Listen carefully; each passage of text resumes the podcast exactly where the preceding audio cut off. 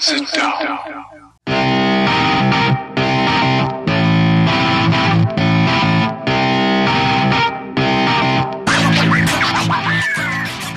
Giese ojus, giese ojus, ksechorista. Ja jestem Robert Kochan, a to jest Kochana NBA, najbardziej nieobiektywny podcast o najlepszej koszykarskiej lidze świata.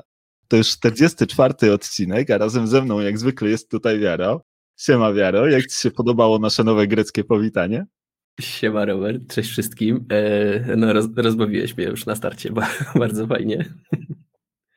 No nie na darmo to wszystko, e, w zasadzie w ramach takiego hołdu dla tego, co, co mogliśmy zobaczyć w tym tygodniu, no bo słuchaj, e, wreszcie dotarliśmy do tego najważniejszego rozstrzygnięcia całego sezonu. Wiemy, kto jest mistrzem, wiemy, że zostali nim Milwaukee Bucks i o mój Boże, to co Janis zrobił w tym ostatnim meczu i to jak zakończył w ogóle e, całe te playoffy, jakim akcentem, no coś niesamowitego, nie?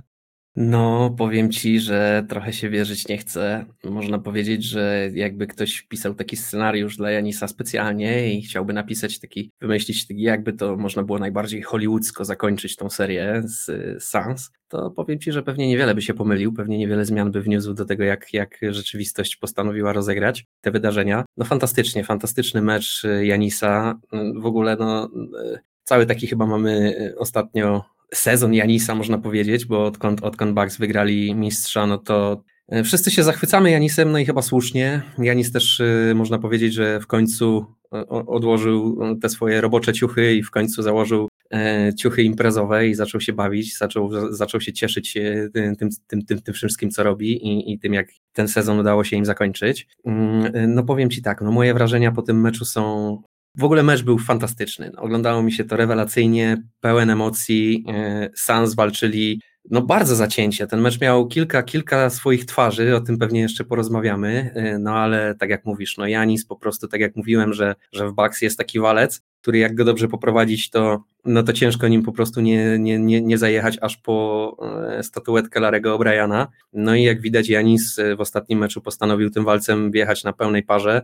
No i tak też się stało, no kompletnie zdominował ten mecz. Tak jak mówisz, 50 punktów, to jest niesłychany wyczyn. W finałowym meczu, w meczu jeszcze zamknięcia, tak naprawdę decydującym meczu, taki wynik zrobić, e, no to są historyczne numery. Tutaj, tak jak e, mówiliśmy wielokrotnie o tym, że to jest sezon rekordów, to to i w finale doigraliśmy się rekordów, no i finałowy, ostatni mecz finałów też rekordowy, także no mnie się fa fantastycznie to wszystko oglądało, e, jestem, jestem bardzo zadowolony i, no i bardzo się cieszę, że, że Janis zdobył, zdobył pierścień, swój pierwszy, mam nadzieję, że nie ostatni. Dobrze wiesz, że jestem fanem Janisa, odkąd wybrali chłopaka w drafcie w Milwaukee, może do samego Milwaukee, z samym Milwaukee jakoś, jakoś nie mam jakichś żadnych koneksji w sumie do tego e, zespołu, nie jestem jakimś fanem ani nic w ten deseń, no ale samego Janisa uwielbiam, i bardzo się cieszę, że zdobył pierścień, no i bardzo się cieszę, że w taki sposób można powiedzieć, że nie pozostawiając nawet drzwi do tego, żeby go w jakikolwiek sposób krytykować za ten występ, wszystko co mógł zrobić, zrobił fantastycznie, dał z siebie 100%. No, no, no nawet jak ktoś jest hejterem, no to, to, to nie wiem do czego już teraz w tym momencie po, po tym, co Janis pokazał, można się przyczepić. Słuchaj, na pewno e, można powiedzieć, że Janis nie wyglądał nawet jak, e, jak walec, on wyglądał jak jakiś, nie wiem, mech albo, albo niszczyciel no bo po prostu to, co on e, wyprawiał tam z zawodnikami Sans w tym meczu, no nie do opisania. No, na pewno trzeba to zobaczyć. No i tak jak mówisz, fantastyczna historia, tak? E, od tego, co, co mogliśmy zobaczyć, kiedy Janis przychodził do ligi. Chociaż on już wtedy zapowiedział, w sumie są gdzieś tam widziałem przywołane stare tweety, że, e, że on w tym Milwaukee zostanie, dopóki nie uda im się zbudować mistrzowskiej drużyny. No i, no i jakby dopiął swego, tak? Tak długo na to czekał, tak bardzo tego pragnął. E, jego brat, kiedy w tamtym roku przyszedł z pierścieniem wygranym przez, przez Lakers do domu, to on cały czas gdzieś tam chodził za nim, nazywał go mistrzem i teraz popatrz, ma wreszcie ten, ten, ten swój wymarzony pierścień, no ale jaką też drogę przeszedł, nie? Przez te playoffy, przez te finały, przez to wygięte w drugą stronę kolano, które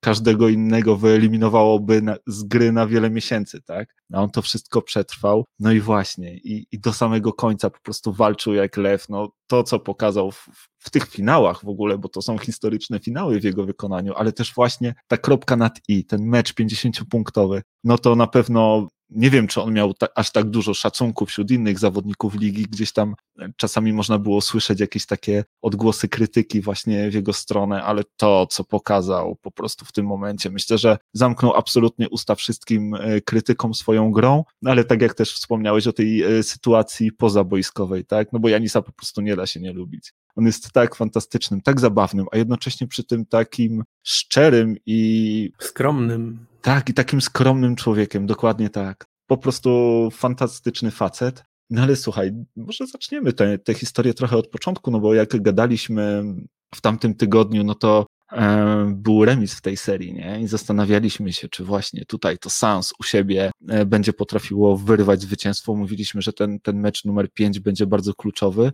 czy, czy, czy jednak właśnie Milwaukee uda się mu wygrać te 3-4 mecze z rzędu, nie? Zastanawialiśmy się. No i, no i rzeczywiście w tym meczu numer 5 e, Bucks wygrali go tylko czterema punktami, 123 do, do 119. No i powiem Ci szczerze, że tak moim zdaniem to troszkę był taki mecz, w którym o zwycięstwie mógł zadecydować e, rzut monetą, bo Phoenix jak najbardziej miał szansę, żeby go wygrać i prawdę mówiąc powinni byli to zrobić. E, świetnie zaczęli, ten początek był zdecydowanie dla Suns, wygrali pierwszą kwartę 37 do 21, no ale potem to właśnie Bucks przejęli kontrolę i tą oni z kolei drugą kwartę wygrali jeszcze większą przewagą, bo 43 do 24 aż. No i, i tak dociągnęli prawie do końca, do, do czwartej kwarty, w którą weszli z, z dziesięciopunktowym prowadzeniem. No ale Phoenix potrafiło wrócić, sprawić, żeby ta końcówka była taka no, zażarta do samego końca, żeby ta walka trwała. No i wszystko właśnie rozstrzygnęło się w samej końcówce. No jak się rozstrzygnęło? Jak żeby inaczej. Świetna gra w obronie Drew Holiday'a, ukradnięcie piłki w ostatnich sekundach Devinowi Bookerowi. No i to wspaniałe podanie do Janisa na Alejupa i po prostu kolejny mecz i Janis kolejny epicki, epicki highlight, tak? Coś, co będą pokazywać już pewnie po wsze czasy w NBA. E, w meczu finałowym e, takie rzeczy. Coś fantastycznego. Co myślisz? E, to może ja się od razu przyznam, jak, jaka była moja historia z tym meczem, bo to jest jedyny mecz finałów, którego nie widziałem na żywo w całości. Wytrwałem, bardzo zmęczony byłem, wytrwałem do, do meczu. Mecz się zaczął, e, no i tak jak mówisz, no po pierwszej kwarcie e, Phoenix miał prowadzenie 16 czy 18 punktami. W każdym razie tak zdominowali Bucks, że po prostu no wyglądało na to, że po prostu dostaną srogie lanie. No i szczerze przyznam, zmęczenie mnie wzięło. Po pierwszej kwarcie poszedłem spać. Rano się obudziłem, zobaczyłem, że, że Bucks ten mecz wygrali od razu siadłem do komputera, postanowiłem go obejrzeć, zobaczyć jak to się stało. No i powiem ci, że no ciężko mi w to uwierzyć, co, co, co tam się stało. I, I tak jak y, mówisz, że no Bucks y, dojechali gdzieś, wyrwali to zwycięstwo, no myślę, że ta właśnie ostatnia akcja pokazała najbardziej jakby cały obraz tego meczu, nie? Że po prostu Phoenix miało ten mecz w garści, powinni byli ten mecz wygrać, e, no ale no, dali sobie to zwycięstwo dosłownie wyrwać z rąk. Po prostu e, Drew Holiday, no, no, no Booker się pogubił pod koszem, zbyt, zbyt duży las rąk zobaczył, nie zdecydował się na oddanie trudnego rzutu, co ja, ja myślę, że powinien rzucać w tamtej sytuacji. On jest człowiekiem od takich trudnych rzutów, jak nie, jak nie teraz, to kiedy? Czy las rąk to nowe przezwisko Janisa? Bo e, on, tam, on tam właśnie próbował wejść pod ten kosz i Janis mu zaszedł drogę i chyba to myślę troszkę go gdzieś tam mogło wybić z rytmu. Pewnie tak, no wiesz, to, to, są, to, są, to są decyzje, które się ktoś podejmuje w ułamku sekundy i, i te, zarówno jest wyćwiczone, jak pewnie instynkty i, i, i, cała reszta takich różnych drobnych czynników, która na to wpływa. No ciężko się Janisa nie przerazić, jak na korze wbiegasz, nie? No to jest jasna sprawa, no ale z drugiej strony Devin Booker, jak mówię, jest człowiekiem od takich trudnych rzutów. Nieraz na Janisie rzucał w tej serii, nieraz rzucał na Drew Holiday'u i na każdym innym obrońcy, który postanowił mu przeszkadzać, mm, więc no nawet jeżeli by nie trafił, to myślę, że to byłoby z, z, większym pożytkiem niż, niż właśnie taka e, niebezpieczna zabawa, kiedy jest się otoczonym ze wszech stron e, przez przeciwnika. No i Devin Booker, e, jak się to mówi, speniał ten rzut, postanowił, że, że jednak coś z tym zrobi, chciał się odwrócić na jednej nodze, no i się okazało, że za nim centralnie jest Drew Holiday, który po prostu w łamku sekundy postanowił zaryzykować, wyrwać mu tą piłkę. No też cud, że nie było tam faulu, bo to w takich sytuacjach bardzo łatwo o faul, no ale nawet jeżeli był, no to sędziowie go nie odgwizdali, stwierdzili, że to po prostu była e, równa, zacięta walka. No i tak jak mówisz, no później no to już nie zostało nic innego, jak, jak tylko zaufać Janisowi. No i to też pokazuje tą chemię w tej drużynie, to kim dla nich jest Janis i, i, i jak oni grają, jak ufają sobie, jak, jak jednak te drużyny, które zachodzą naprawdę daleko, po prostu no, no, no kładą wszystko na jedną kartę, no i grają, e, wierzą w siebie, tak? Po prostu obstawiają to, że, że, że to się uda. Bo prawdę rzekłszy, to taką mm, poprawną koszykówką to pewnie było po prostu przeczekać, dać się sfaulować, nie? no ale Drew Holiday postanowił, że to będą punkty. Później się śmiali jeszcze z niego komentatorzy y, gdzieś po meczu, pytając go, czy nie bał się, że że może przerzucić, bo tak dość wysoko tego alejupa rzucił, a on mówi, że no nie na darmo nazywają Janisa frikiem, yy, czyli dzi dziwolągiem czy dziwadłem, no bo gość potrafi do takich piłek śmiało doskakiwać i mówi, że rzucił najwyżej jak potrafił, Janis i tak do tego doskoczył. E, no słuchaj, bo to też e, może być tak, że Drew Holiday planował tę piłkę przetrzymać i myślał o tych osobistych, i może właśnie planował, że się tam zatrzyma gdzieś w okolicach tej linii za trzy, ale Janis po prostu popędził do ataku ile sił w nogach. Jakby nie był taki super zmęczony walką przez, przez cały mecz i mu tam ze dwa razy pokazał, wiesz, palcami do góry, żeby mu Drew tę piłkę rzucił. No i I tak jak potem właśnie bardzo chwalił go na konferencji pomeczowej, mówiąc, że no właśnie, że Drew mu zaufał, że, e, że on jest niesamowicie dumny z tego, że to zaufanie Drew Holiday'a w tym momencie miał i, i rzucił mu tę piłkę. No i efekt mogliśmy oglądać, bo no jak mówię, no Chris Paul będzie miał swój moment w finałach na wieczność. No niestety tak.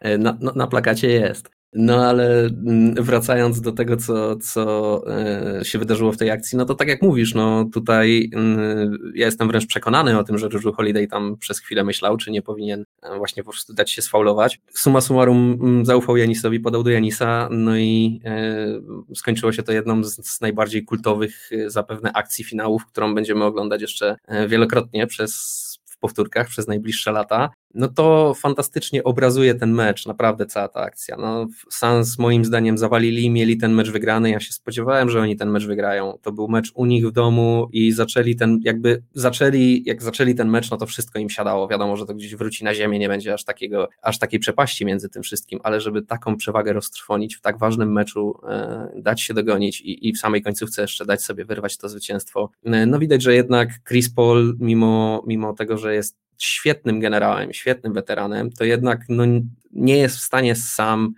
dać takiej wartości, jaką pewnie by chciał i być może w głowie wszystko jest tak, jak ma być, być serca mu na pewno też do walki nie brakuje, ale jak to e, jeden z naszych znajomych powiedział, no gość jest po prostu za mały. No i co zrobisz? No on nie jest w stanie jeszcze w tym wieku już, już dać tej drużynie tyle, ile by mógł. Na Booker, Ayton czy, czy pozostali roleplayerzy Sans no, zniknęli dość mocno e, w tym, w tym meczu. Zresztą tak samo jak można no Booker, w ogóle moim zdaniem Booker zawalił w tej, w tej serii finałowej, to są słabe finały, być może był zmęczony, być może to jest jeszcze być może to jeszcze nie ten moment.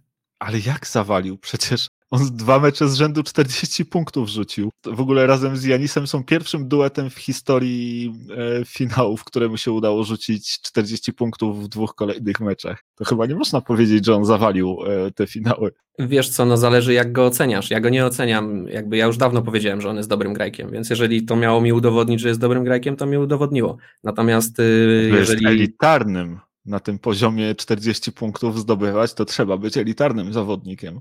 No okej, okay, ale zdobywać y, z drugiej strony 17 y, punktów na 30% skuteczności to już nie jest takie elitarne. E, on ma potencjał, ten chłopak, do tego, żeby być wybitny, ale moim zdaniem w tych finałach y, na pewno ma, on na pewno ma do siebie duże pretensje. Uwierz mi, że pewnie siedzi w domu i myśli, jak to zrobić, żeby mu się takie buble nie zdarzały. Na pewno nie jest zadowolony z tego, że rzucił w dwóch meczach 40 parę punktów. To, że na pewno siedzi teraz w domu, to mnie zupełnie nie dziwi. Zresztą miał pewnie bardzo dużo czasu na, przem na przemyślenia, bo miał, e, nie wiem czy wiesz, ale zaraz po tych finałach miał wspólny lot jednym samolotem razem z Drew Holidayem i Chrisem Middletonem do, do Tokio na, na kadrę USA. Lecieli sobie akurat w trójkę, więc e, myślę, że, że miał tam e, sporo, sporo czasu na to, żeby w ciszy sobie przemyśleć wszystko, słuchając radosnych opowieści chłopaków na siedzeniach obok. No, dokładnie, więc wiesz, no mm, jasne, że wiesz, każdy, kto dochodzi do finałów NBA no, i, jest gwiazdą swojej drużyny, no, to ciężko e, jakby tutaj e, mówić o tym, że ten zawodnik w jakiś sposób zawalił, tak? No ale umówmy się, chodzi o to, jakby w bardzo małym mikrokosmosie rozstrzygamy wszystkie te kwestie. Mówimy teraz o, o, o tym dwumeczu pomiędzy Suns i, i Bucks i Suns naprawdę mogli ten, ten, nie wiem, pewnie cały w ogóle finał wygrać, bo, bo game, game five mieli w ręce, mieli, mieli tą wygraną u siebie i, i, i dali sobie to po prostu wyrwać. E, no i tak jak mówię, no ta, ta ostatnia akcja naj, naj, najlepiej to pokazuje ja myślę, że Devin Booker e, na pewno ma do siebie duże pretensje, bo w, nie grał tak, jakby grał cały czas tak równo i rzucał w każdym meczu po 40 punktów, e, no to prawdopodobnie Suns by się teraz cieszyli z mistrza, a nie Bucks i byśmy zapewne wychwalali Devina Bookera, a mówili o tym, że nie wiem, Chris Middleton zawalił, albo Janis zawalił, albo, albo Drew Holiday zawalił. Natomiast no, stało się jak się stało. Ja, ja dlatego, dlatego mówię o tym, że no moim zdaniem jednak Booker na pewno ma parę rzeczy do poprawy, na pewno nawet nie chodzi o to, że on musi się nauczyć jakichś nowych rzeczy, po prostu doświadczenie w walce o tak ważne trofea i na tak wysokiej scenie. Ja mam nadzieję, że Booker jeszcze wróci do, do, do playoffów i, i to poważnych, nie, że jakieś tam będzie first round exity zaliczał, tylko będzie, będziemy faktycznie tego zawodnika mogli obserwować w walkach o wysokie rzeczy, bo on, moim zdaniem on ma wszystko, czego potrzeba. Po prostu te finały mu do końca nie wyszły. Na pewno nie zaliczy ich do super udanych, mimo że tak jak mówisz, no dwa mecze zagrał wręcz historyczny, tak? No, zdecydowanie tak. Zwłaszcza ten ostatni był taki moim zdaniem historyczny. On właśnie zrobił w nim 40 punktów. E, na skuteczności 50% z pola, 50% za 3, no ale tylko 80 osobistych. Tutaj pewnie myślę, że oto będzie miał do siebie największe pretensje, no bo na linii jednak taki gracz tego formatu, taki shooter powinien sobie radzić troszkę lepiej niż to 80%. Ja myślę, że tutaj, gdybym ja miał przynajmniej wskazywać winowajcę, to bardziej moje myśli pewnie poszłyby w stronę Chrisa Pola, bo, bo Chris Paul w tej serii finałowej, no przynajmniej moim zdaniem właśnie on nie wyglądał e, aż tak dobrze, może, może poza tym e, pierwszym meczem, zresztą rozmawialiśmy już o tym e, tydzień temu, nie? że mówi się o tej kontuzji i tak dalej, a, a być może to po prostu właśnie było zmęczenie, być może e, przeciążenie, bo tego Chrisa Pola no, nie oszczędzali za bardzo gracze Milwaukee Bucks. Drew Holiday w zasadzie cały czas siedział mu na plecach, cały czas go męczył. Do tego trener Budenholzer lubiał jeszcze podkręcić trochę atmosferę i włączyć krycie na całym boisku, gdzie Chris Paul już zanim dostał tak naprawdę piłkę po koszu Bucks, już był przyczepiony do niego spocony PJ Tucker, który go po prostu obejmował i, i obściskiwał, więc e, nie ułatwiali e, tego życia e, Chrisowi Polowi. Myślę, że w tym wieku właśnie te kwestie zmęczenia mogły mieć ogromne znaczenie. No i myślę, że Devin Booker akurat w tym ostatnim meczu i w tej ostatniej akcji też tutaj to zmęczenie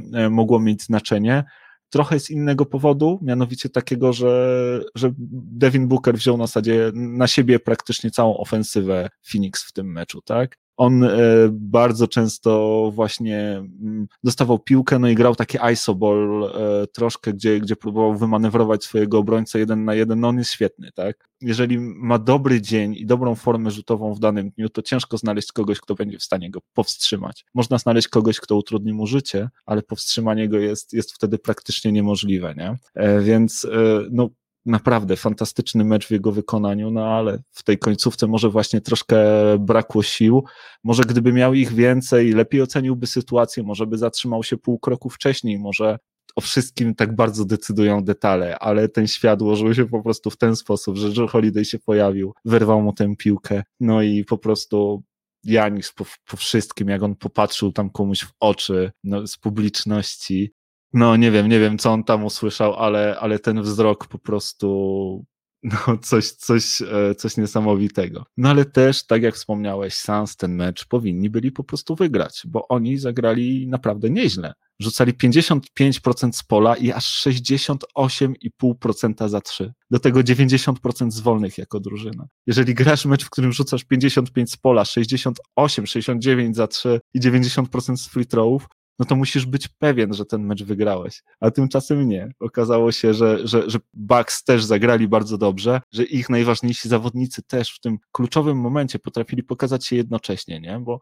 e, bo tego chyba najbardziej do tej pory e, Bucks brakowało i zwłaszcza mam tutaj na myśli Drew Holiday'a, bo on ofensywnie rzadko mu się w tych finałach zda, zdarzały dobre mecze.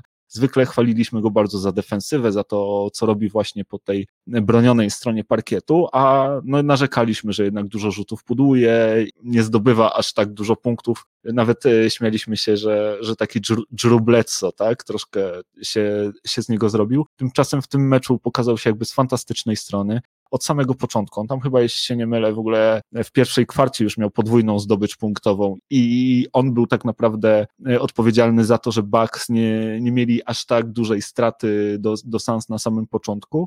E, no i właśnie, bardzo fajnie pokazał się w tym meczu i to wystarczyło, żeby, e, żeby Bucks pokonali Suns, w mojej opinii przynajmniej. No i plus ja bym tutaj bardzo dużą część też chciał przypisać Konatonowi, który zdobył w tym meczu 14 punktów, a to dlatego, że, że tak naprawdę jeżeli chodzi o pierwszą piątkę Sans, to tam każdy miał podwójną zdobycz punktową, każdy miał podwójny wynik. Booker 40 punktów, Ayton 20 punktów i 10 zbiorek, Chris Paul 21 punktów i ta pierwsza piątka Sans ograła pierwszą piątkę Bucks 104 do 100. Więc e, tak naprawdę to zawodnicy rezerwowi e, w jakiś tam sposób e, przechylili może tę, wy, tą wyrównaną szalę na, na, na stronę Bucks. No i właśnie wśród tych graczy brylował Pat Conaton, który okay, w obronie był łajzą, tak to trzeba śmiało powiedzieć, po prostu Booker go zjadał łyżeczką e, w każdej akcji, kiedy tylko stawali naprzeciwko siebie,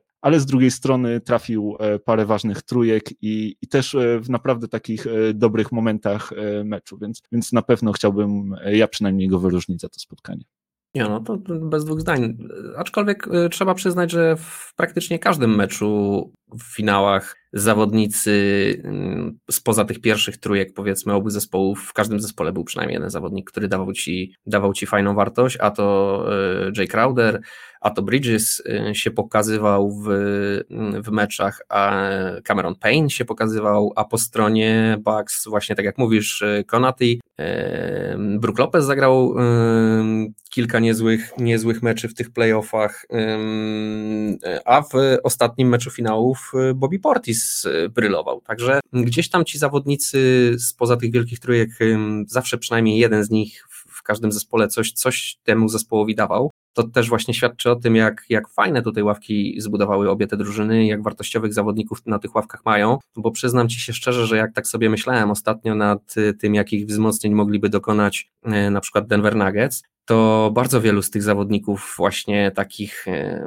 około gwiazd e, z, z, tych dwóch zespołów finałowych przychodziło mi do głowy. E, nie powiem też wielu właśnie z Phoenix, bo Phoenix przez całe te playoffy naprawdę fajnie gra, mimo że tak naprawdę to z super gwiazdą to tam jest tylko Booker w tej drużynie, albo nawet Chris Paul.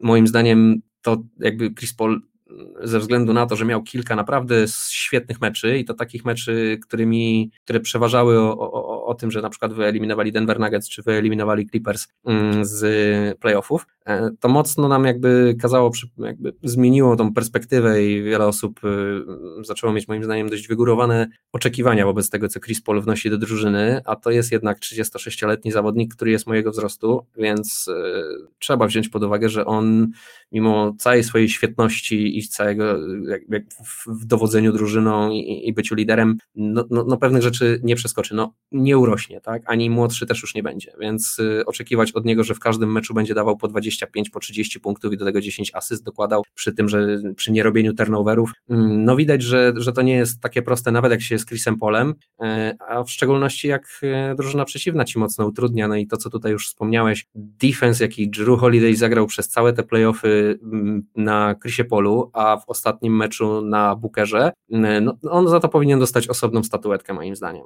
Powinno być coś w stylu Defensive Player of the, of the Finals I, i, i on to powinien zgarnąć, albo takie mini MVP, albo coś w ten deseń, bo naprawdę mu się należało za to, ile on brudnej roboty odwalił przez całe te playoffy i jak bardzo właśnie spowodował, że ci dwaj zawodnicy w decydujących momentach nie potrafili dać sans tyle, ile dawali w innych meczach. Nie? Potrafił ich zatrzymać nie przez cały mecz, ale wtedy, kiedy trzeba. Nie? I w ogóle Bucks właśnie takie coś pokazali w tych playoffach, takie, takie, taką umiejętność wygrywania wtedy, kiedy trzeba, rzucania punktów wtedy, kiedy naprawdę jesteś pod ścianą.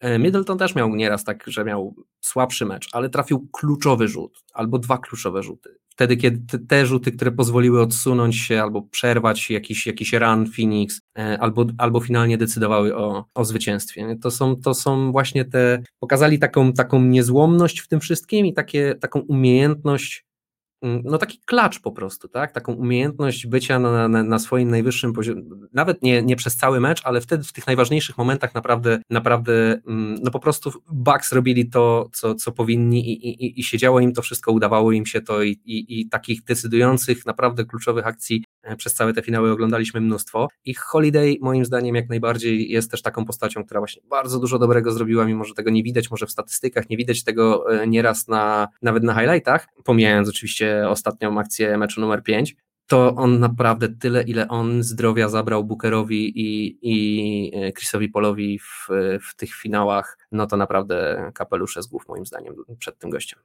No nie tylko Bookerowi i Chrisowi Polowi, bo to w zasadzie myślę, że Monty Williams też nie przespał przez niego parę nocy, bo to wyglądało troszkę tak, że Phoenix próbowało grać swoje akcje e, przez osobę, której akurat nie kryje Drew Holiday naprawdę, wydaje mi się, że, że, że, trener Williams tak to, tak to właśnie kombinował, żeby zawodnik, którego kryje Drew Holiday, nie kozłował za bardzo piłki, bo to się bardzo często kończyło stratą. On fantastycznie potrafił wyprzedzać tych zawodników ofensywnych w drodze na, na odpowiedni punkt na parkiecie, wystawiał te ręce właśnie, prowokował te stile i jakieś takie, wytrącał cały czas z równowagi. Czasami zdarzało się, że nie do końca fair to robił, że właśnie ta, ta twarda finałowa gra sprawiała, że wiele wiele e, jego zagrań uchodziło mu na sucho, mimo że no, wyglądały przynajmniej niektóre z nich e, na faule, to, to miało miejsce między innymi właśnie w tym meczu numer 6. E, no, skoro już przy nim jesteśmy, to, to, to może właśnie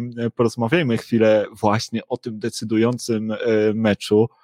Nie wiem, czy widziałeś, co się działo w ogóle przed halą w Milwaukee, w tym tak zwanym Dirt District, strefie z telebimem e, ja, zrobionej ja. właśnie dla, dla kibiców Milwaukee. 65 tysięcy ludzi tam podobno przyszło. E, Morze Głów, nie wiem, czy widziałeś, jak czarowali, kiedy Janis e, rzucał osobiste, e, bo to, to wyglądało tak, że w momencie, kiedy Janis e, właśnie wykonywał swoje rzuty osobiste, to wszyscy ludzie w Deer District unosili swoje ręce do góry, machali po prostu dłońmi, jakby próbowali zaczarować ten moment i zaczarować Janisa. I chyba, tak jak mówisz, pomogło, bo Janis, no, historyczny wynik, jeżeli chodzi też o niego i rzuty osobiste, 17 z 19, 90% z rzutów, e, z linii rzutów wolnych Janis, no po prostu nikt chyba nigdy nie był czegoś takiego w stanie przewidzieć. Mu się raz w jego karierze taki mecz zdarzył, e, że był bodajże 17 na 17, jeżeli chodzi o rzuty wolne, tylko raz. Natomiast w finale w decydującym meczu, kiedy na szali e, jest mistrzostwo,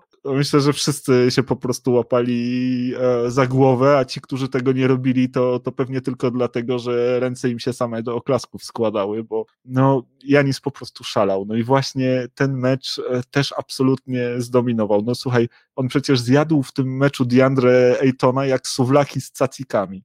Po prostu zrobił sobie wielką grecką wyżerkę po prostu na Diandre Ejtonie w tym meczu. Chłop już był tak zestresowany, jak, e, jak Janis tam dostawał piłkę top of the key. Cała ofensywa rozchodziła się na wszystkie cztery strony trójki, a Janis atakował obręcz i albo były z tego punkty, albo był z tego foul, albo był z tego e, nietrafiony rzut, zbiórka i punkty. Więc e, innej opcji w zasadzie w tym meczu nie było. No i właśnie, mimo że, mimo że Bucks na początku wcale jakoś świetnie, chociaż e, z drugiej strony oni tę ten, ten, pierwszą kwartę wygrali w sumie 29-16, e, czyli inaczej niż to, niż to było w pierwszym meczu, tak? Gdzie, gdzie właśnie Stanzi, tak, dokładnie, tutaj była, tak, tak, tak, tak, tak, tak, dokładnie tak. E, bo, bo w drugiej to Sans e, odmienili wszystko i, i Bucks zdobyli tylko 13 punktów, nie?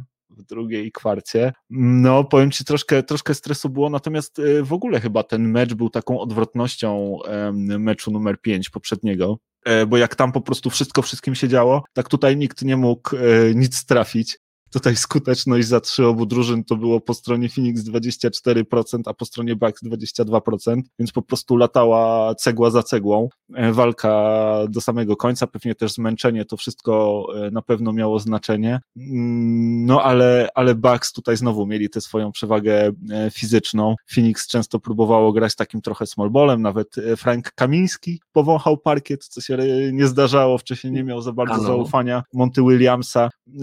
No i, no i odbiło się to niestety i, i zemściło się na drużynie Phoenix, no bo Bucks zdominowali zdecydowanie tablicę, 53 do 37 w zbiórkach. No i, i właśnie, i ta forma Janisa, który jako jedyny za, zalśnił na tym e, parkiecie w porównaniu do innych, e, przeważyła o wszystkim. Bobby no? Portis. Tak, Zdecydowanie, zdecydowanie Bobby Portis e, pokazał się z bardzo dobrej strony. Tak, e, faktycznie.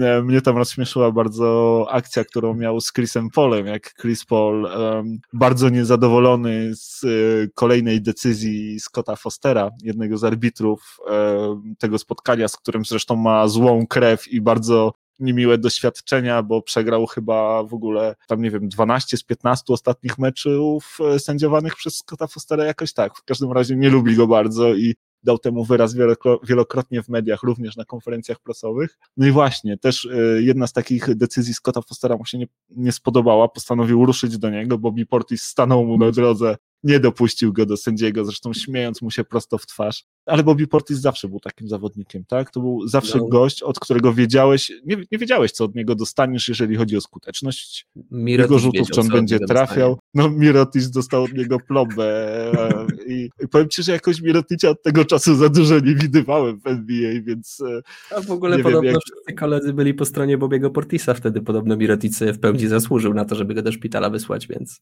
No ja słyszałem, e, słyszałem ostatnio e, też wypowiedź jednego z zawodników NBA, który w drafcie przychodził e, razem z Bobim Portisem i gdzieś tam rywalizowali ze sobą na treningach i, i mówił właśnie, że jest to gość, który zawsze wkłada taką ogromną intensywność i zawsze jest prywatnie bardzo sympatyczny i taki uśmiechnięty i raczej, raczej radosną osobą, natomiast ma te psycho oczy i ma ten psycho charakter i, i rzuca się po prostu i, i, i, stara się zrobić wszystko, żeby, żeby po prostu osiągnąć przewagę, jeżeli rywalizuje. No i tej serii akurat e, mu się działo, tak? Miał, miał te swoje dobre dni, a, a walczył jak zwykle. E, no i fantastycznie rzeczywiście e, w tym, w tym meczu e, zagrał. Tak, no Bobby Portis się pokazał w ostatnim meczu dość znienacka. E, no i tak jak mówisz, wyskoczył z tymi swoimi szalonymi oczami, jako jedyny jakby nie czując e, presji tego, co tam się dzieje, bo mecz w ogóle początek meczu to ciężko było oglądać. On mecz się chyba zaczął od jakichś trzech, czterech nietrafionych rzutów i kilku turnoverów. To był festiwal pudeł, cegieł i turnoverów. Po prostu to, no, pierwszej kwarty, gdyby to nie był mecz finałowy, to, to nie wiem, czy bym przetrwał do drugiej. No, dokładnie, nie, bardzo brzydki mecz był i zresztą e, do połowy było nie pamiętam już jaki tam był wynik, ale 42 czy 45 punktów miała drużyna wygrywająca i komentatorzy się śmiali, że jak tak dalej pójdzie, to zobaczymy takie finały, które się zakończą wynikami w okolicach 90 punktów. Jeff Van Gundy w trakcie meczu śmiał się właśnie, że wracamy do lat 90., do, do NBA lat 90., bo wynik właśnie był 47 e, punktów e, w Phoenix do przerwy. Tak, tak. No ja myślę, że tutaj jednak najwięcej no to, to nerwy mają jakby wniosły do, do, do tego, że ten mecz wyglądał tak, jak wyglądał na początku. E, no a później, jak faktycznie te nerwy już e, opadły i, i wszyscy zobaczyli, że tutaj no, ciężko o punkty, to zaczęła się taka bardzo intensywna walka i ten mecz, w ogóle mecz był świetny. Mecz się oglądało e, bardzo fajnie. Wydawało się, że szybko będzie po meczu, Tymczasem, że to będzie mecz jednostronny, tymczasem Phoenix wróciło do gry i no i tak naprawdę do, do, do, do końca nie byliśmy, nie, nie, było wiadomo jak to się wszystko skończy. E, Milwaukee jak zwykle męczyło się, jeżeli chodzi o punkty, ale Phoenix teraz też się męczyło, jeżeli chodzi o punkty. Już nie było tak, że, że, że wszystko im się działo, że po prostu nieraz nawet takie no niedokończone jakieś takie akcje, broken akcje, które, które gdzie piłka w końcu trafiała do kogoś, kto stał za trójką i, i ten ktoś to rzucał i, i, trafiał. Teraz już tego nie było, tak jak mówisz, no słabiutka skuteczność e, Phoenix, jeżeli chodzi o rzuty za trzy. W tym akurat meczu nie można było tutaj liczyć na, na, na roleplayerów Phoenix. No a tak, Devin Booker miał pełne ręce roboty, ponieważ coach Budenholzer postanowił, że po tych e, dwóch meczach, gdzie Booker odpalił na 40 punktów, przerzucił po prostu Drew Holiday'a z Chrisa Pola na Bookera. I absolutnie wyłączył tym Devina. Tylko 19 punktów, 36% z pola, 8 z 22 i 0% za 3, 0 z 7. No, ten akurat y, mecz y, Booker, no to był dla niego bardzo, bardzo trudny mecz. Tak, miał tutaj po prostu no, no pod górę i, i po wertepach, bo Drew Holiday mu po prostu wszystko utrudniał. Zawsze tam był koło niego, zabrał mu piłkę ze dwa albo nawet trzy razy też tak, no po prostu pod, jeszcze, jeszcze zaraz po przekroczeniu można powiedzieć połowy, tak? I to co mówisz, Devin Booker przyzwyczajony do tego, że jak zrobisz ten krok obok przeciwnika i wejdziesz w niego ramieniem, to już zazwyczaj go mijasz, zaraz go masz na biodrze i zaraz on jest za tobą, a tu Drew Holiday potrafi się przesunąć przed ciebie i stanąć tak mocno na nogach, że cię odbija, nie? że po prostu odpadasz do tyłu, i, a, a wtedy y, szybkie ręce Drew Holiday'a, piłka y, nie jest zbyt chroniona w takiej sytuacji. No i tak chyba ze dwa czy trzy razy Booker pozbył się piłki, więc naprawdę no, ogromny mój, mój wielki szacunek dla Drew Holiday'a. To jest ten defense, który, który wygrywa. To jest właśnie to, o czym się mówi, że jak się wygrywa mecze. Nie? W takich trudnych meczach, gdzie faktycznie nerwy biorą górę, nikt nie ma jakichś stuprocentowych sytuacji, każda piłka jest taka wyszarpana,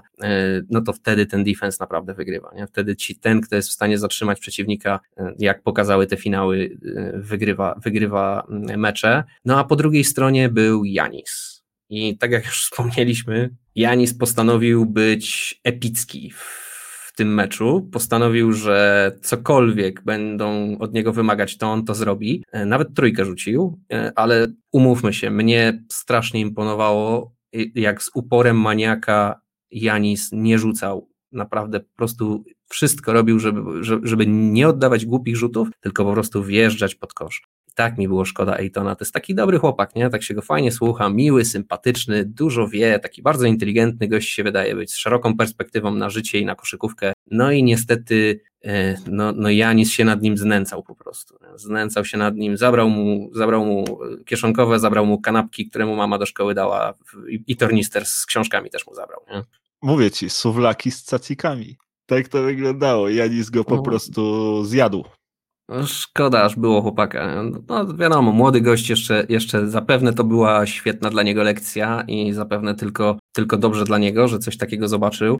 No Janis był bestią w tym meczu, po prostu bestią. Tak jak mówisz, wszystko mu się działo, jak mu nie się działo, to to po prostu zbierał i dobijał. Nie?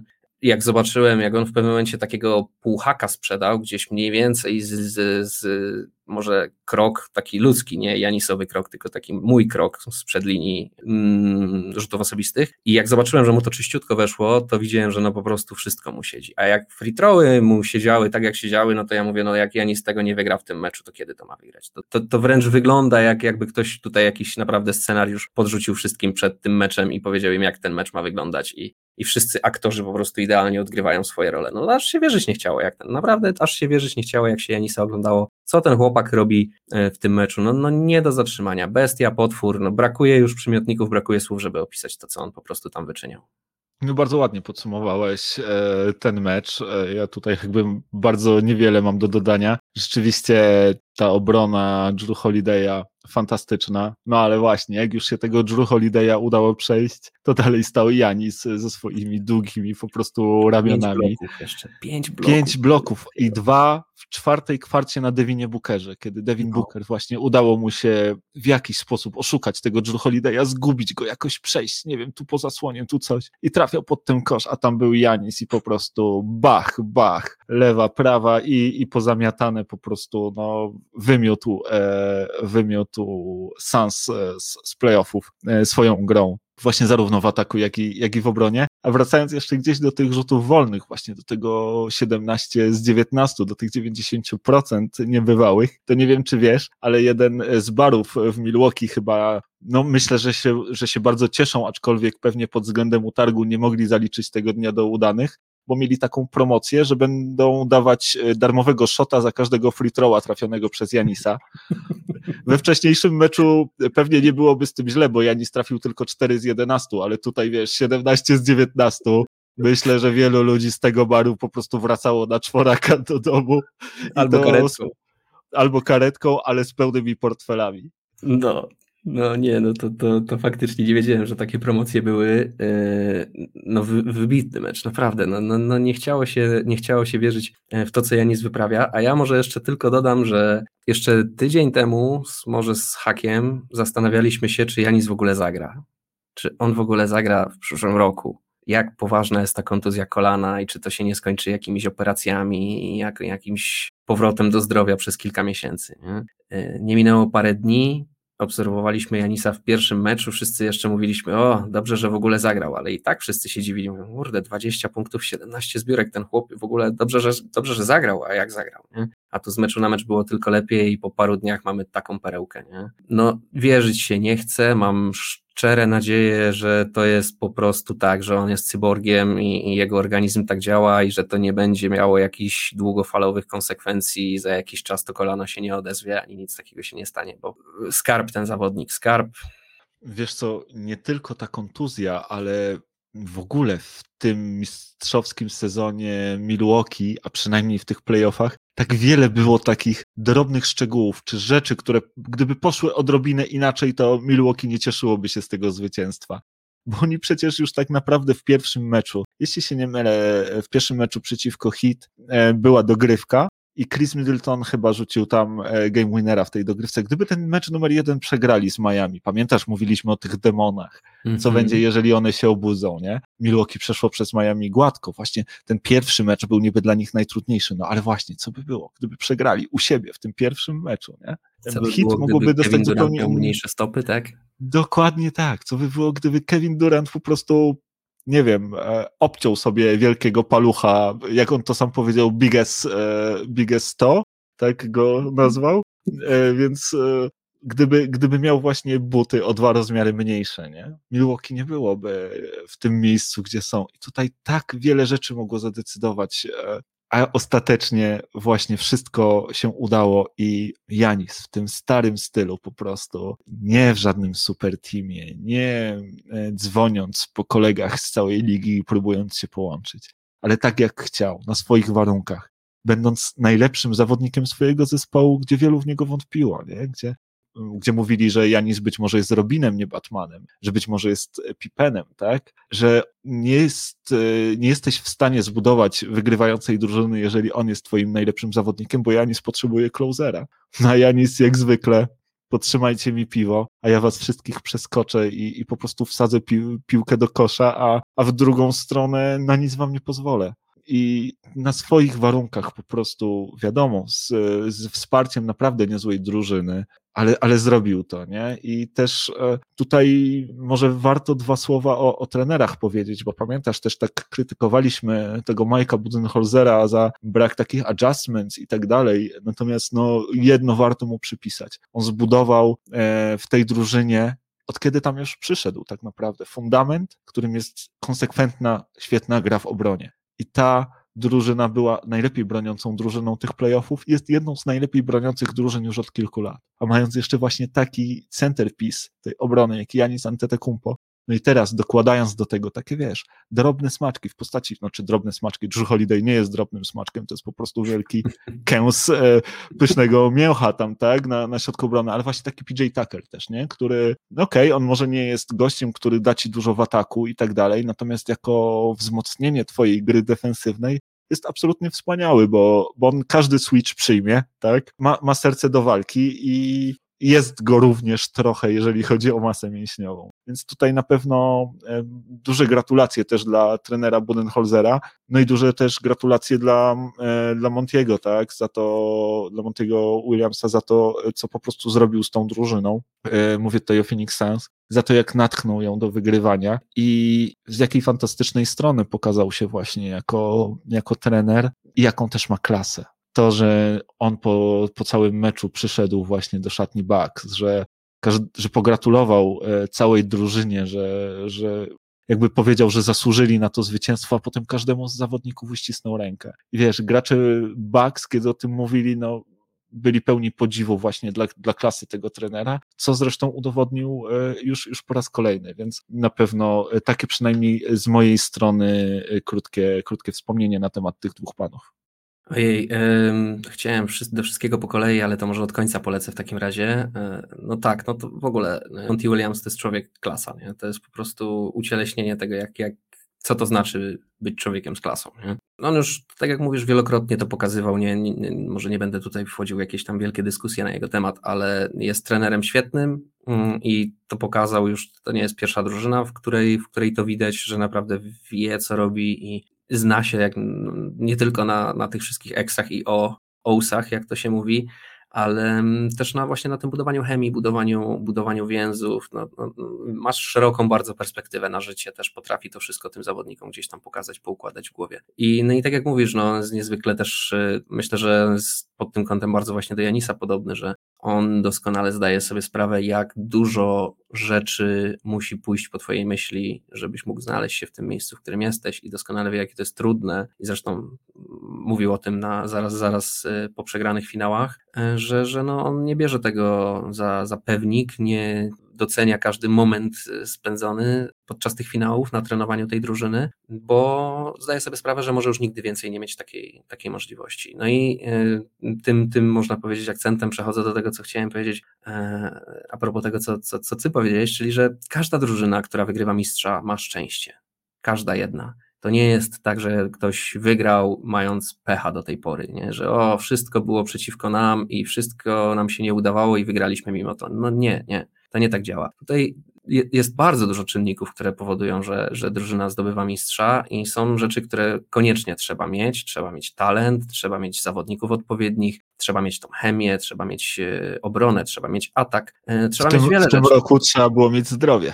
Zdrowie, dokładnie tak. I, I, ale pomimo tego wszystkiego, to jeszcze właśnie trzeba mieć te takie drobne momenty szczęścia, te takie, to trzeba, trzeba, trzeba mieć to szczęście, że Kevin Durant gra w za dużych butach, tak? E, I inne tego typu drobne sytuacje, które sprawiają, że to w finale twoja drużyna jest na podium, a nie właśnie drużyna Nets, czy nie wiem, Lakers, jeżeli Anthony Davis byłby zdrowy e, i tak dalej, i tak dalej. Jest bardzo dużo takich różnych czynników, więc oczywiście mm, wychwalając, kiedy tutaj sobie tak wychwalamy to Milwaukee i mówimy o tym, jaką to mają fantastyczną atmosferę i tak dalej, i tak dalej, to też nie chciałbym, żeby ktoś zrozumiał nas źle. My też na pewno y, mówimy to też z takiej perspektywy, zdając sobie sprawę z tego, że Bucks mieli kupę szczęścia, idąc y, po tego, po tego mistrza. Y, no i każda tak naprawdę drużyna, która tego mistrza wygrywa, też to szczęście mieć po prostu najzwyczajniej w świecie e, musi. Natomiast Wiadomo, że szczęście sprzyja lepszym i temu szczęściu trzeba pomagać, i to są może stare, oklepane maksymy, ale one są jak najbardziej prawdziwe i obserwujemy to nieraz.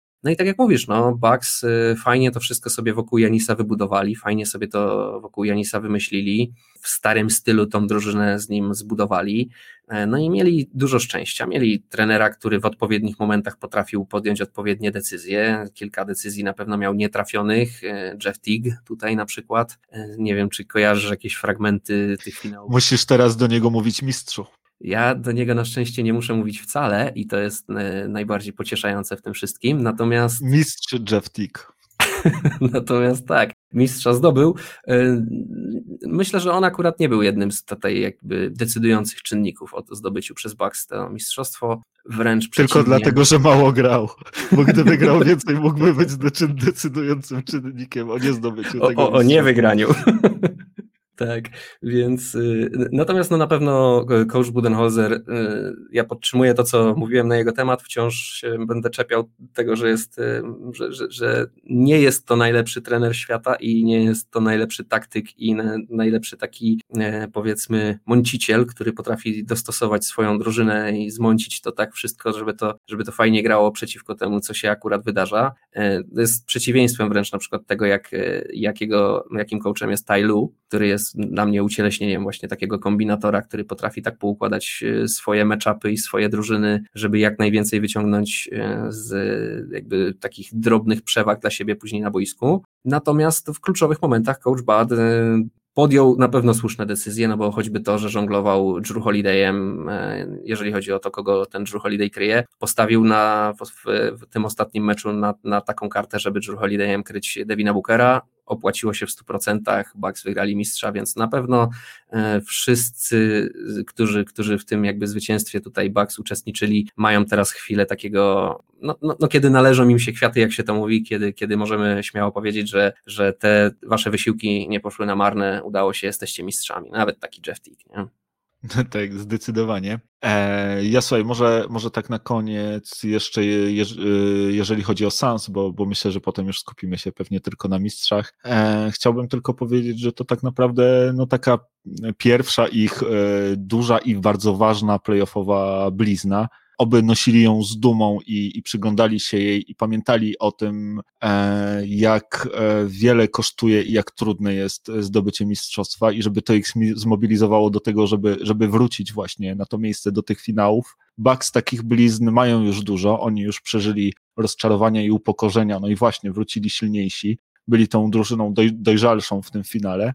To wszystko jest e, przed Phoenix i ja myślę, że że oni wyciągną z tego wnioski, mają bardzo dobrze poukładane w głowach, mają bardzo mądrego coacha i no przed nimi świetlana przyszłość, ale na pewno potrzebują wzmocnień, bo w tym finale akurat tych wzmocnień zabrakło, bo o ile ten trzon drużyny, właśnie te, ta, ta pierwsza piątka z Bridgesem, jako, jako jej uzupełnieniem z Crowderem, tak, e, grała na naprawdę dobrym poziomie, o tyle zawodnicy rezerwowi, no może poza Cameronem Payne'em, który się pokazał z naprawdę dobrej strony i czasami się aż dziwiłem, że, że Monty Williams nie chce spróbować tego free guards lineup, e, żeby troszkę zaskoczyć e, Bucks. Natomiast no, ta ławka Sans akurat aż tak bardzo nie, nie błyszczała, przynajmniej nie grała równo, no i zdecydowanie zabrakło kogoś wysokiego, kto dałby odpocząć Aytonowi czy też zastąpił go na, na wartościowym poziomie, jeżeli Ayton musi usiąść e, za faule. Natomiast sam Ayton jest bardzo podekscytowany wizją przyszłości. E, on wspominał zresztą gdzieś tam w wypowiedzi o tym, że oni budują tam w Phoenix właśnie taką wygrywającą kulturę. E, wygrywającą kulturę organizacji i takie winning legacy, tak? I że mm, zamierzają ciężko pracować właśnie po to, żeby, żeby wrócić na to miejsce. Natomiast powiem Ci szczerze, że to wszystko tak naprawdę chyba nie ma znaczenia, że cała historia tych finałów to jest właśnie ta zemsta PJ Tuckera na zawodnikach Houston Rockets, o której rozmawialiśmy.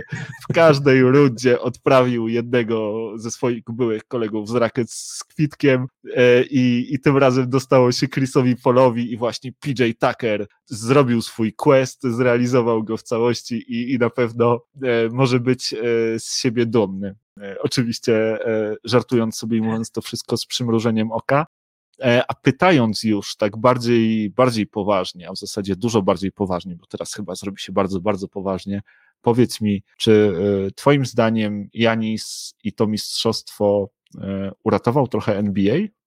O, wiem, do czego chcesz nawiązać, czyli um, uratował NBA, w, rozumiejąc to na takiej zasadzie, że ponieważ ostatnimi czasy mieliśmy tendencję do tego, żeby się zdzwaniać i, i, i sklikiwać w jednej drużynie, tak jak to zrobili, nie wiem, Golden State Warriors, czy, czy wcześniej Miami Heat. Mieliśmy tendencję do tego, żeby, żeby powstawały super teamy, tak, w NBA. To teraz nagle Janis to odwróci, tak, że, że to też jak najbardziej, chociaż e, z Golden State to jest trochę specyficzna sprawa, bo oni tam akurat drużynę zbudowali sobie sami od podstaw draftując, to po prostu Kevin tam zdecydował się przyjść i no tak. zrobić z tego e, właśnie nie fair drużynę, natomiast e, jakby nie tylko do, do tych super teamów, ale też do tego, że Janix jest chyba pierwszym zawodnikiem w historii, który podpisał tego Supermaxa, nie? I e, to jest to, co NBA próbowało osiągnąć, że jeżeli wydraftujesz sobie gościa, który będzie twoim franchise playerem, który osiąga poziom MVP, to żeby móc sprawić, żeby on zdo, zechciał zostać w Milwaukee na przykład, nie? Czyli gdzieś, no, mm. przepraszam, nie chcę mówić na zadupiu, ale w jakimś takim e, mniej, e, mniej liczącym się mieście, jeżeli chodzi o Stany Zjednoczone, czy o ligę, czy jeżeli chodzi o pogodę, tak, i tak dalej, właśnie gdzieś w tym small market i żeby podpisał tego Supermaxa, żeby związał się z tym klubem na, na, na wiele lat, żeby można było budować drużyny wokół niego, no i właśnie, żeby te kluby z małych e, miast, czy z mniejszych miast miały szansę również rywalizować i zdobywać tytuły, nie? Um, Okej, okay, ale no ja nie, nie, nie widzę tego w ten sposób, wiesz. O tyle, o ile jeszcze tą perspektywę, mm, że Janis wygrał faktycznie ligę w ten sposób, mm, budując drużynę wokół siebie, nie, nie, nie kolekcjonując jakiegoś super teamu, rozumiem, może tak powiem, rozumiem tą perspektywę, chociaż też się z nią nie zgadzam, że Janis w jakiś sposób temu zaprzeczył, że, że tamten sposób nie działa, czy coś w ten deseń, albo że nie wiem, że ten sposób działa. Myślę, że, że oba sposoby działają, po prostu tamten jest prostszy. Natomiast jeżeli chodzi o Supermaxa, no to wiesz, Supermax Supermaxem, ale jeszcze trzeba mieć szczęście, żeby wybrać z drafcie takiego zawodnika, jakim jest Janis, nie? bo jest wiele drużyn już, które które zapewne bardzo by chciały takiej sytuacji i bardzo by były zadowolone, gdyby mogły wydraftować Janisa z 15 numerem w drafcie, nie? Wiesz co, no nie do końca tak, bo, y, bo owszem, masz rację, umiejętność znalezienia zawodnika z ogromnym talentem jest nie do przecenienia, natomiast musisz też zwrócić uwagę na player development bo o Janisie nie mówiło się, że on jest jakimś super talentem e, od samego początku, tak? Raczej było dużo zastrzeżeń czy znaków zapytania co do jego gry. Natomiast Janis nie dość, że urósł, to jeszcze okazało się, że ma najlepszą etykę pracy, jaką sobie można wyobrazić i po prostu rozwija się w zastraszającym tempie, ale to nawet nie tylko o Janisa chodzi. Jest Chris Middleton, w zasadzie bardzo podobny rocznik do Janisa. Wybór bodajże z drugiej e, rundy draftu. On chyba został, nie jestem pewien, ale, ale wydaje mi się, że on mógł zostać wybrany przez Detroit. I wiesz, on trafił do Milwaukee na zasadzie dodatku do trade'u Brandona Jenningsa za, za Brandona Knighta, nie? Był jakiś taki dziwny trade w ogóle 100 lat temu i, i Chris Middleton został tam dołożony jako, jako ten, wiesz, paczka fistaszków, nie? Tak zwana. Nie, no, trafił no, do, do, do Milwaukee i jak Milwaukee też potrafiło rozwinąć jego umiejętności, jego potencjał. To, jakim Chris e, Middleton jest zawodnikiem teraz, nie? Po wygraniu e, finałów NBA, gdzie gdyby nie ta fantastyczna forma Janisa, to pewnie Chris Middleton zostałby e, tym Finals MVP. E, wsiadł do samolotu i poleciał z kadrą USA do Tokio na, na Igrzyska Olimpijskie, nie? Od drugiej rundy draftu. To jest niesamowite właśnie, że Milwaukee też te swoje talenty potrafi świetnie rozwijać i, i, i rozbudowywać. Mm, no ale widzisz, to, to jest kolejna rzecz, z którą ja się jakby nie zgadzam, nie? że mnie się wydaje, że to nie jest kwestia Milwaukee w żaden sposób. To jest kwestia Milwaukee dlatego, że mieli szczęście, że im się akurat trafił Chris Middleton, a nie Michael Carter Williams zamiast niego, bo potencjał był taki sam na początku pewnie obu tych zawodników i ani w jednego, ani w drugiego nikt specjalnie nie wierzył. I tu, tu swoją drogą nie pomógł, tu pomógł. Swoją drogą, y, masz tutaj zdecydowanie też rację, bo trzeba pamiętać, że zaraz przed Janisem oni wydraftowali bodajże Jabari Parkera. Oni to, to no były właśnie. takie bardzo chude lata y, w Milwaukee i wydawało się, że Skywalker będzie tutaj rządził ligą, tak, i będzie świetnym e, zawodnikiem, a tymczasem no, nie wiem, czy on jeszcze gdzieś teraz gra w lidze? Gdzieś się chyba błąka jeszcze. Gdzieś się błąkał ostatnio, ale nie wiem, czy w tym momencie jest podpisany. E, zobaczymy, czy w przyszłym roku gdzieś, gdzieś się na rosterach znajdzie. E, no ale to, to samo, jeżeli chodzi o Chrisa Middletona. Nie? Na takich, to jest tak, jakby ktoś, ktoś w tym momencie chciał brać przykład z Denver i wybrać sobie zawodnika z Europy z 40 którymś numerem w drafcie i liczyć na to, że będzie MVP. No nie, to Denver miało po prostu ogromne szczęście, że im się akurat trafił Jokic w ten sposób. E, to nie, nie tyczy się wszystkich zawodników z Europy, ani w żaden sposób tego, że akurat, no dobra, wiadomo, trzeba sobie pomagać. Denver dobrze wybiera w draftach, zazwyczaj ma. Macie tam... też dobrych scoutów na Europę, bo akurat chyba wtedy jeden z pracowników waszego front office'u chyba też, też pochodził z, tak, gdzieś tak, tam z tych tak. okolic. Nie?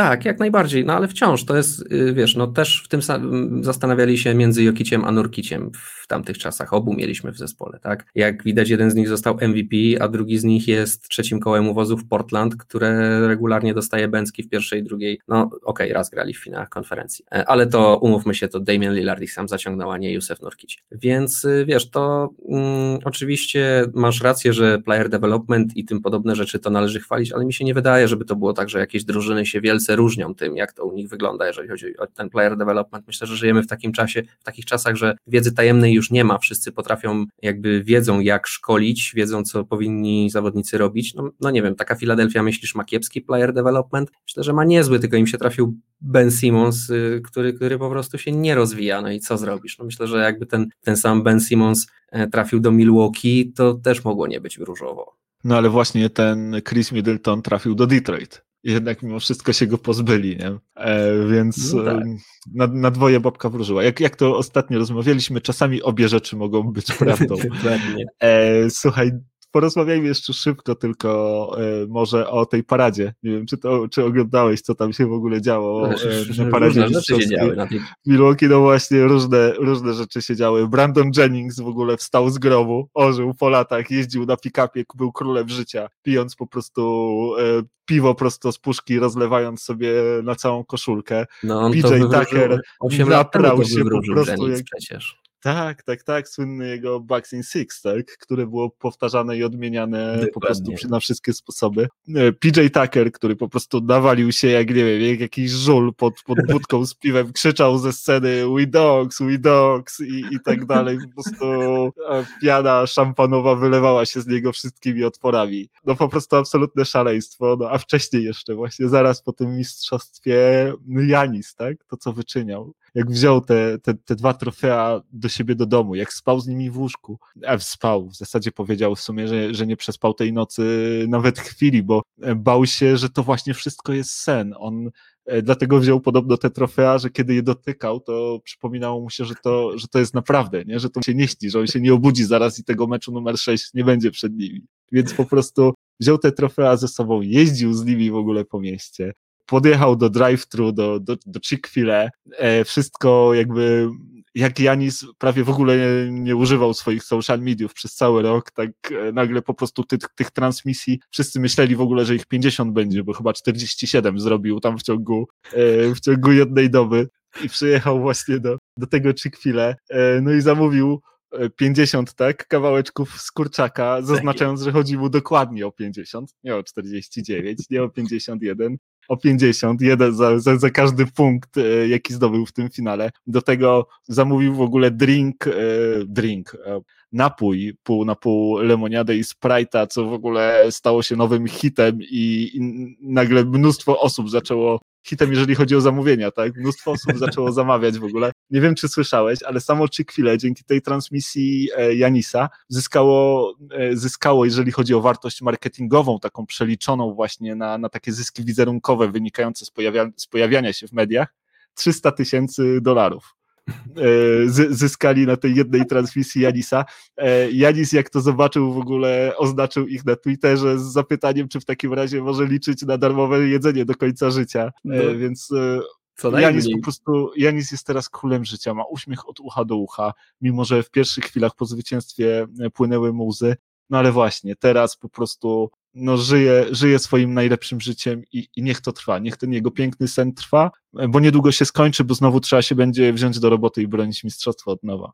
No, bardzo ładnie to tak podsumowałeś, wracając szybko na ziemię z, te, z, tej parady, na którą nas tu wszystkich zebrałeś. No tak, no słuchaj, no, jak to się mówi po angielsku, to the victor goes the spoils, czyli no, zwycięzcy zgarniają nagrody, no i wygrali, są mistrzami, dopóki nie rozpocznie się nowy sezon, oni się bawią, cieszą i, i, korzystają z życia, a cała reszta drużyn już zapewne powoli myśli o tym, jak e, odebrać to trofeum e, Bucks, jak im to wyrwać i jak samym wskoczyć na ten tron w przyszłym roku, bo sezon jakby nie było już za chwilę.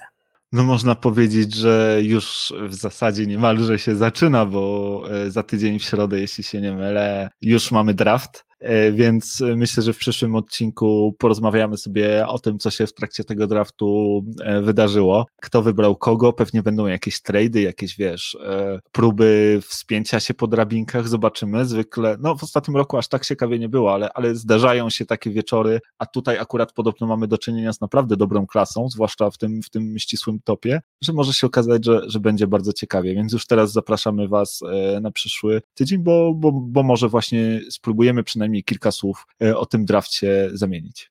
A tymczasem dziękujemy Wam bardzo, że byliście z nami. Dzięki Wiaro za tę wspólnie spędzoną godzinę dziękujemy Wam właśnie. No i słuchajcie, jeżeli macie do nas jakieś pytania, chcielibyście nam o czymś powiedzieć, czy chcielibyście na nas też ponarzekać, niczym e, Chris Paul na Scotta Fostera, e, to, to zapraszamy Was e, do tego serdecznie, możecie to zrobić zarówno na kontakt małpka kochana.nba.pl albo uderzyć do nas bezpośrednio na Facebooku. Zapraszamy, no i tak samo zapraszamy Was już za tydzień na 45. odcinek naszego podcastu. Już 45, ja proszę jak to leci. No słuchajcie, nic dodać, nic ująć. Trzymajcie się cieplutko i do usłyszenia za tydzień. Cześć. Trzymajcie się ciepło, cześć.